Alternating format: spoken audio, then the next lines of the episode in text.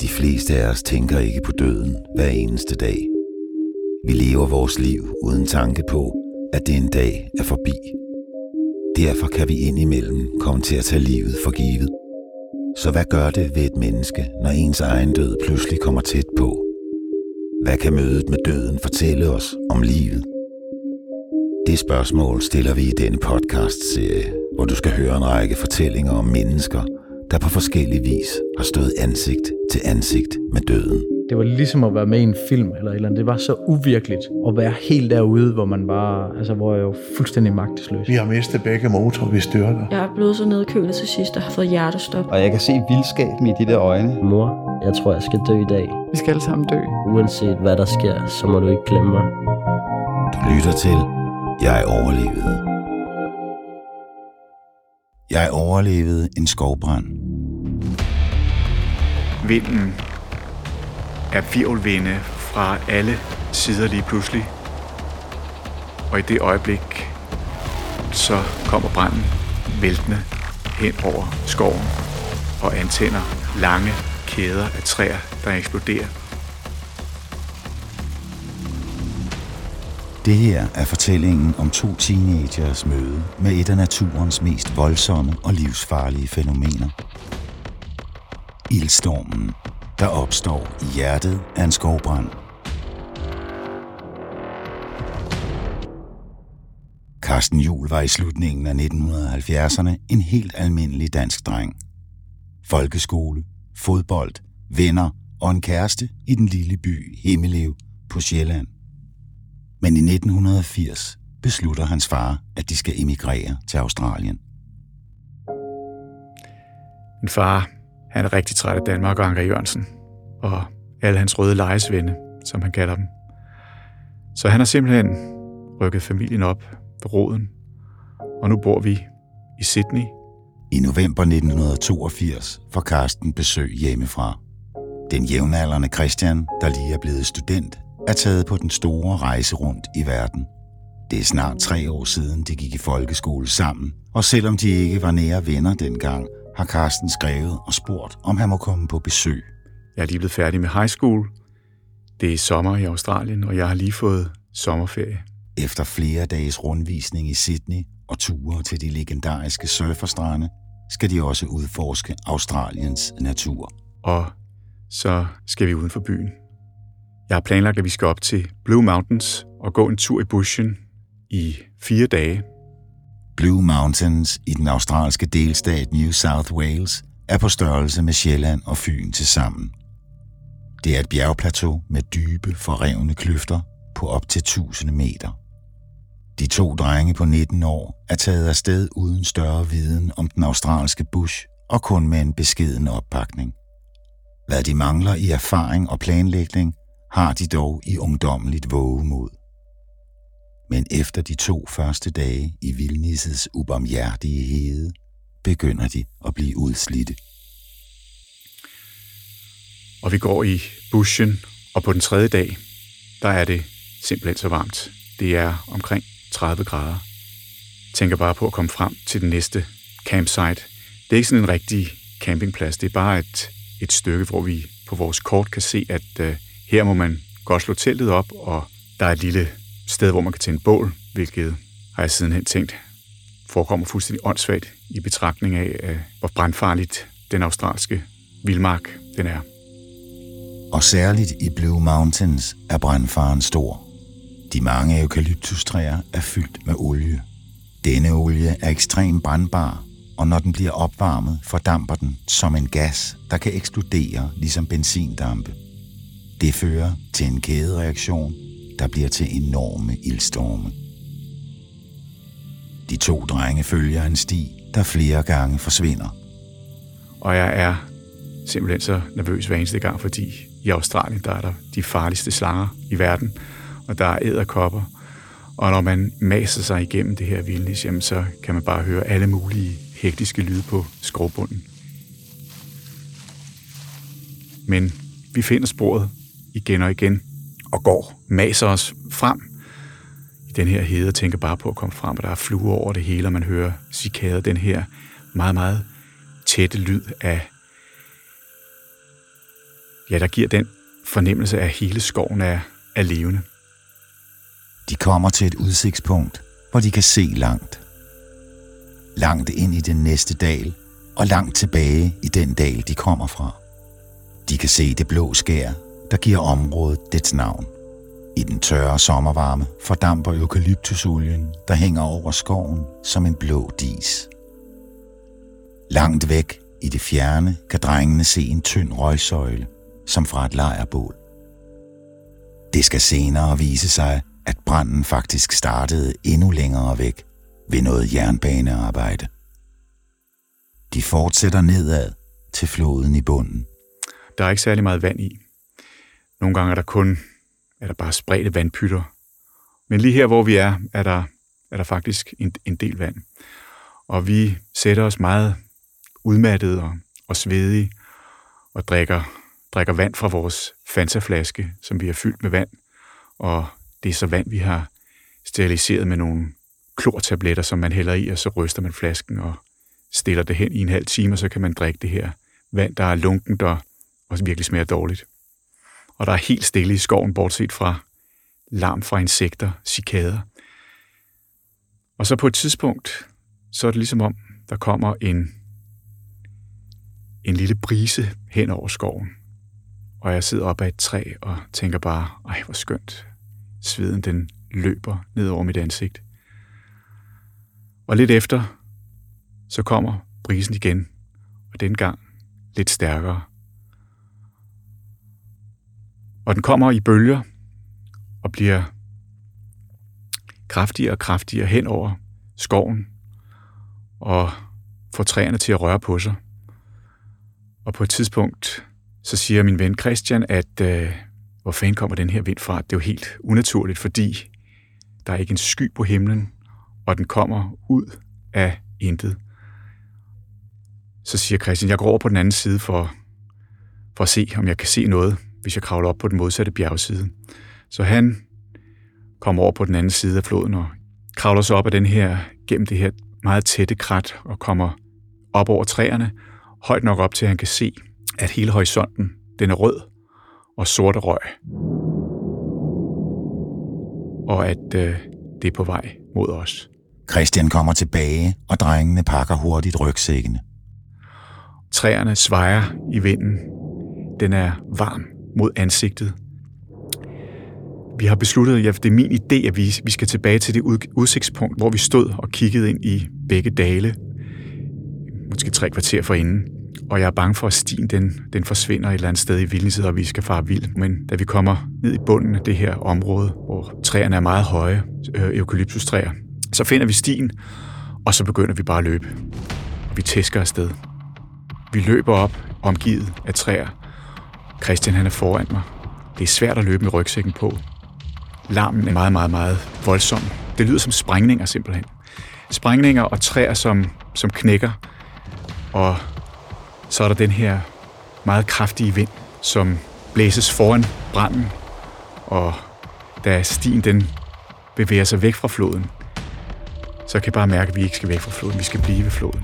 Så jeg stanser, og så råber jeg til Christian, vi skal blive ved floden, og så stanser han. Og jeg kan bare se, at det pumper i hans overkrop. Ildstormen kommer som et flammende skib gennem skoven, ridende på sin egen vind. I buschen kan man ikke løbe fra en skovbrand. Den kan flytte sig med en hastighed på op til 50 km i timen.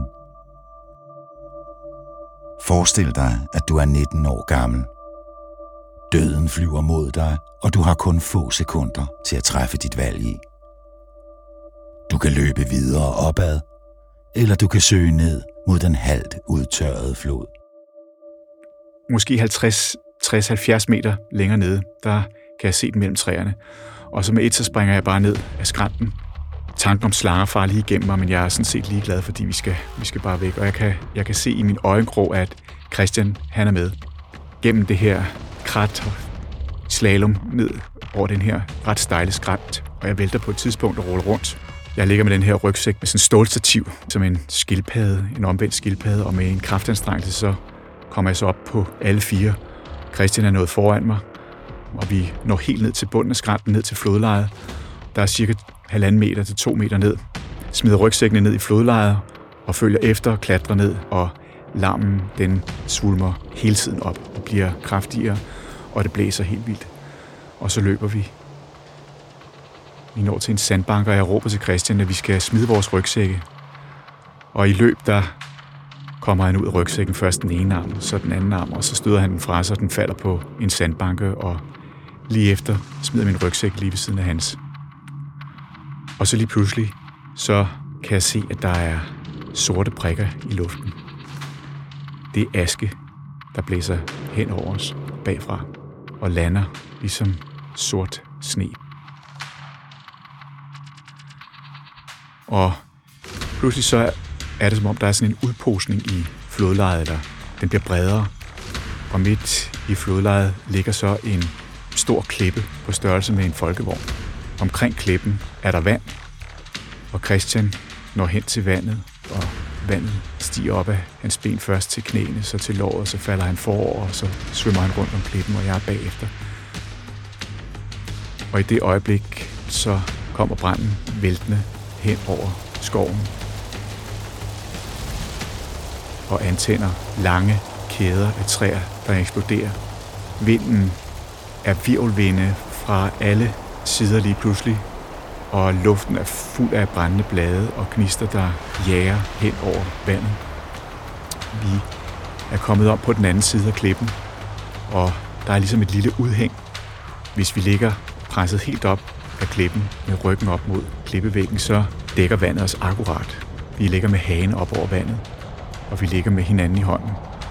Og varmen er så intens, at vi ikke kan holde øjnene åbne, og vi må hele tiden, vi kan ikke trække vejret, vi må hele tiden ned under vandet for at, at køle vores ansigter af, vi holder hinanden i hånden under vandet, og jeg har øjnene åbne under vandet for at køle dem af, og så hele tiden op og snappe efter vejret i det her raseri af ild, som jeg kun kan se gennem tårer, fordi det er så varmt af vores øjne, og øjnene løber i vand, og snotten løber ned ud af os. Og igen og igen skal vi, må vi, bliver vi nødt til at dykke ned, og er, vi, er man bare op vi er bare over vandet i et, to sekunder, så er det så varmt, at vores, vores hår er, er helt tørt.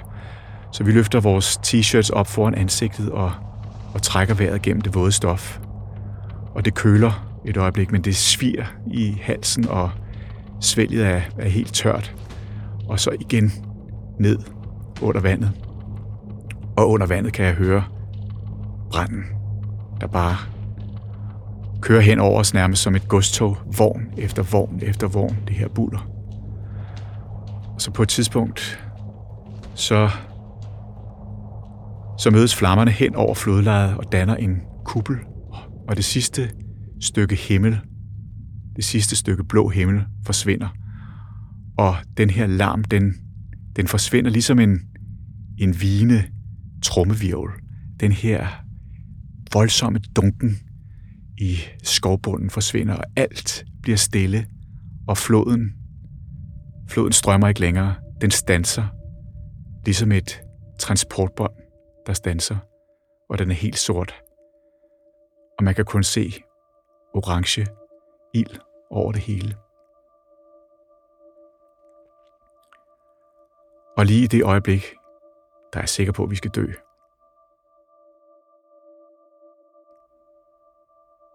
Jeg ligger helt slapt på ryggen i vandet med Christian i hånden, og så siger jeg, hvis vi dør, så dør vi sammen. Og det siger jeg simpelthen, fordi jeg er bange for at dø alene. Og lige efter jeg har sagt det, så får jeg, så bliver jeg så skamfuld, fordi jeg synes, det er så kujonagtigt, at jeg ikke kan gå i døden alene. Det er orkanens øje, ildstormens hjerte. Hvis ikke de to drenge havde fundet en skærmet plet med beskyttende vand, havde den intense strålevarme fra de enorme flammer for længst udslettet dem. Der kan blive op til 1000 grader varmt i en skovbrand. Det man dør af er strålevarmen og af at trække vejret i den ekstremt varme luft. Nu bevæger ildstormen sig videre, men faren er langt fra drevet over. Så skiller flammerne, og den her larm, den, den kommer tilbage. Ilden den giver virkelig los nu, og, og der kommer luft, og træer begynder at vælte, og så to-tre meter foran os, så ser vi lige pludselig sådan et periskopisk væsen, der, der har rejst sig. Det er lige foran os en brun slange, der står og kigger på os. Og det er mærkeligt, fordi jeg er virkelig bange for slanger, og har været det hele turen igennem. Og lige i det øjeblik, der føler jeg nærmest en slags omsorg for den her slange, for vi er i samme båd. Og alligevel så læner jeg mig lidt frem, og med fingerspidserne i vandet, så sprøjter jeg vand på den. Og så nærmest som et knips med fingeren, så den væk under vandet. Og det gør os til gengæld virkelig bange, fordi der kan være andre slanger, og går det lige pludselig op for os, fordi dyr søger ned mod, mod vandet. Jeg siger til Christian, vi pisser i vandet. Jeg har en forestilling om, at, at slanger måske kan lugte. Jeg ved, de ser dårligt, og jeg ved, de kan fornemme rystelser. Det er den måde, de flygter fra mennesker, men måske kan de også lugte. Så vi tisser i vandet og håber, at det på en eller anden måde spreder en lugt af mennesker, og at, øh, og at de så holder, holder sig væk. Angste og forkommende ligger de to drenge i vandet bag klippen. Snot og tårer løber ud af dem. Det sviger i deres øjne og hals. De hoster og gurgler i flodvandet for at lindre smerten. Vandet er sort, fuldt af svedende blade, sorte grene og aske. Ilden fortsætter ind i den næste dal og bliver efterfulgt af tyk, kvælende røg. I kæmpe store mængder. Først helt ren, og så sort, svulmer op hele tiden. Virvler rundt i de her vinde, som ikke helt har lagt sig. Og det var, det var meget, meget lang tid, før den falder til ro. Og jeg vil tro, der er måske 300-400 meter røg op over os. Det er ikke kun flammerne og strålevarmen, der kan dræbe dig i en skovbrand. Røgforgiftningen er en lige så reel mulighed. Christian siger på et tidspunkt, at vi bliver kvalt. Nu kom røgen, og vi bliver kvalt. Og det var, det var meget, meget lang tid, før den falder til ro. Vi ligger helt nede ved floden, og af en eller anden grund, så øh, er der ilt nok. Vi ligger i vandet i måske en time, og så begynder jeg at fryse. Og så rejser jeg mig op på knæene og kan mærke den her varme luft bare blive slynget om mig som en kappe. Og ganske langsomt, så bevæger jeg mig ud fra klippen og går rundt om den på den anden side, og jeg hopper op på klippen og kravler op på toppen. Og så kigger jeg ned på Christian, som kigger op og spørger, hvad jeg kan se. Og der er ikke noget at se. Vi kan måske se 20 meter. Røgen er, der er røg over det hele, men den er, den har ligesom løftet sig, og den danner et tag øh, nogle meter op over os. De sidder på klippen. De er bange for røgen og bange for de væltende træer, som de kun kan høre, men ikke se. De er meget tørstige og kommer i tanke om deres rygsække med mad og vand. Derfor bevæger de sig forsigtigt tilbage af flodlejet. Til sidst finder de rygsækken, men den er klemt fast under et enormt væltet træ, der stadig gløder og ryger.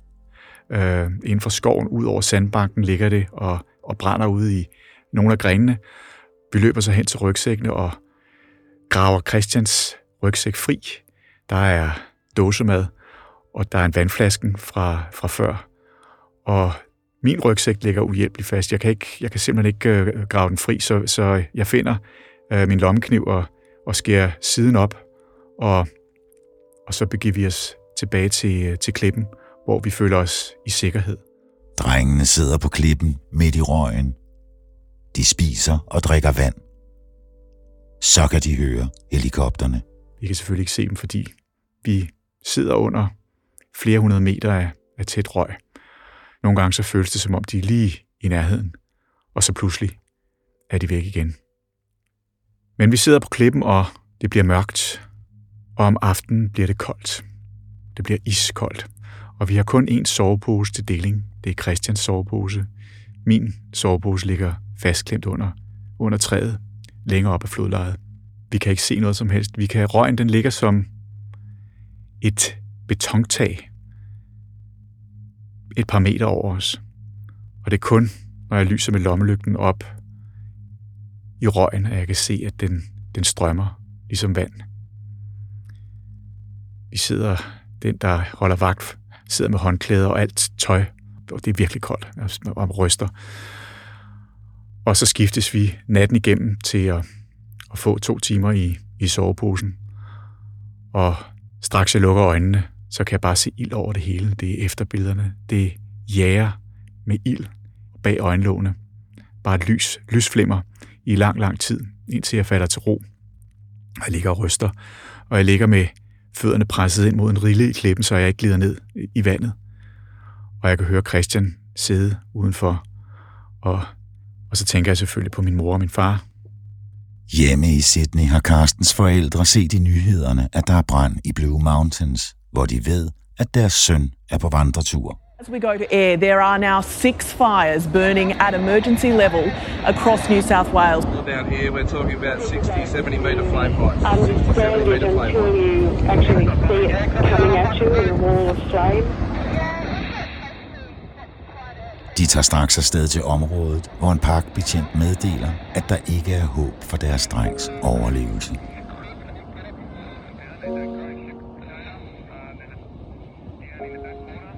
Så bliver det morgen, og lyset kommer.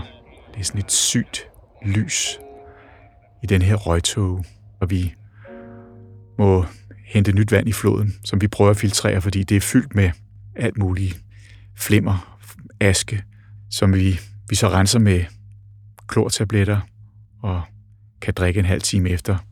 Men vi har, vi har ikke mere mad tilbage. De bliver utålmodige og beslutter at tage afsted. Men de når ikke langt, før de må indse, at det er alt for farligt. Drengene må opgive og i stedet søge tilbage til floden. Og så bliver det mørkt, og solen går ned. Vi har indrettet os på, at vi skal blive der en nat til. Og så lige pludselig, så hører vi en helikopter. Vi kan høre propellerne dunke mellem bjergsiderne, og så springer Christian op og siger, nu er den der. Ganske rigtigt, lige pludselig, så ser vi en helikopter, der med svingende hale bevæger sig frem i ryg mellem bjergsiderne og kommer hen imod os, og vi står op på den her klippe og råber og skriger og vifter med vores håndklæder, og så flyver den hen over os, og piloten, han læner sig frem, den her dråbeformede rode, og kigger ned på os, og så råber han, eller så siger han i mikrofonen om, han spørger, are you Carsten Joel? Og vi hopper op i vejret og vifter med vores håndklæder. Myndighederne ved, at Carsten og Christian er på vandretur i området. Der er en anden turist, en amerikaner, som bliver fundet død senere. Han sidder lænet op af et monument, som blev rejst i 1950'erne over en gruppe spejdere, der dengang blev fanget i en skovbrand. Halvdelen af dem flygtede fra branden og døde. Den anden halvdel søgte ned mod floden og reddede livet. Helikopterpiloten råber ned til dem, at de skal blive, hvor de er. Så bliver der sendt et redningshold ud til dem. Og der går mange timer, der går måske fem timer, før vi endelig i mørket, så hører vi lyden af politifløjter. Og det nærmer sig, og vi råber i mørket. Og så kan vi se lyskejler. Så er det altså det her redningshold, der, der nærmer sig. Og de kommer helt hen. Og Chris Hiley, lederen af redningsholdet, han siger som det første, Dr. Livingstone, I presume. Og efter det med Dr. Livingstone, I presume, så sagde de, I skal købe en lotterisæt, fordi vi var, har været utrolig heldige. Så går vi ud gennem den her mørke skov, hvor træerne de ligger. Nogle steder som lange, glødende rør og klirrer ligesom glas på skovbunden. Og tidligt på morgenen, så når vi helt op til en trappe. Og oppe, så er der udrykningsblink. Man kan høre stemmer. Og de andre kommer op, og jeg bliver stående et stykke tid. Og så kigger jeg ud over dalen. Det er stadig mørkt, og så kan man se branden. Den bevæger sig hen over bjergsiden, sådan i sådan nogle lange bånd. Ligesom, ligesom en hånd, der lyser i mørket.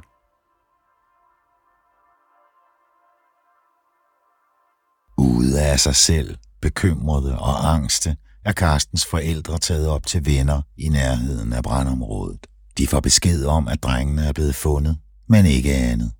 Sikre på, at de er forbrændte og sårede, bliver lykken så meget større, da de to teenagere kommer ind ad døren. Forkommende og møgbeskidte, men ellers helt ok. Vi har været utrolig heldige. Allerede her, i de første timer efter den chokerende oplevelse, får de to unge mænd et råd, der skal vise sig at have afgørende betydning for resten af deres liv. Altså, vi kom bemærkelsesværdigt uskat derfra, også psykisk. Og jeg tror, det er fordi, vi blev anbefalet at øh, tage hjem til Sydney og skrive alt ned. Og det gjorde vi så, og vi lånte min fars skrivemaskine. Og det brugte vi så flere dage på. Vi sad inde i 30-35 graders varme nede i kælderen og sad og skrev i flere dage, og på den måde tror jeg, at vi fik historien ud af kroppen. Netop den helende proces er måske forklaringen på, at Karsten er gået igennem livet, uden at være mærket af sit møde med døden. Og på, at han senere kunne støtte og hjælpe Christian, da han tog i forvejen. At Karsten og Christian mirakuløst overlevede ildstormens rasende inferno, blev starten på mange års venskab, der desværre endte, da Christian døde efter lang tids sygdom. Og den helende skriveproces var måske gnisten, der senere voksede til Carsten Jules forfatterskab. Han har siden skrevet og udgivet bogen Skovbrand, en historie om katastrofer og venskab. Som udkom på Lindhardt og Ringhof i 2018.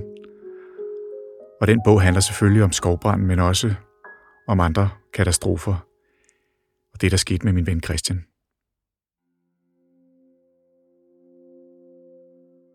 I Australien er skovbrænde almindelige. Hvert år sker det, og naturen, både dyr og planter, har indrettet sig efter det. Inden hver sommer er der de sædvanlige oplysningskampagner, der skal minde både lokale og turister om farerne, hajer, æderkopper, slanger og skovbrænde. I 2019 døde der 25 mennesker i skovbrænde i delstaten New South Wales, hvor Blue Mountains ligger. De to drenge var utroligt heldige, fordi de søgte ned til floden, fordi de nåede hen til et sted, hvor der var vand i floden og en skærmende klippe, og fordi de nåede at søge ly lige inden ildstormen indhentede dem.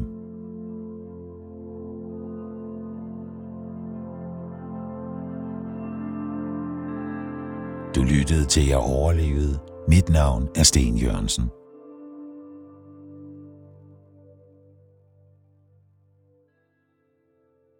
Podcasten er produceret af Munk for Podimo.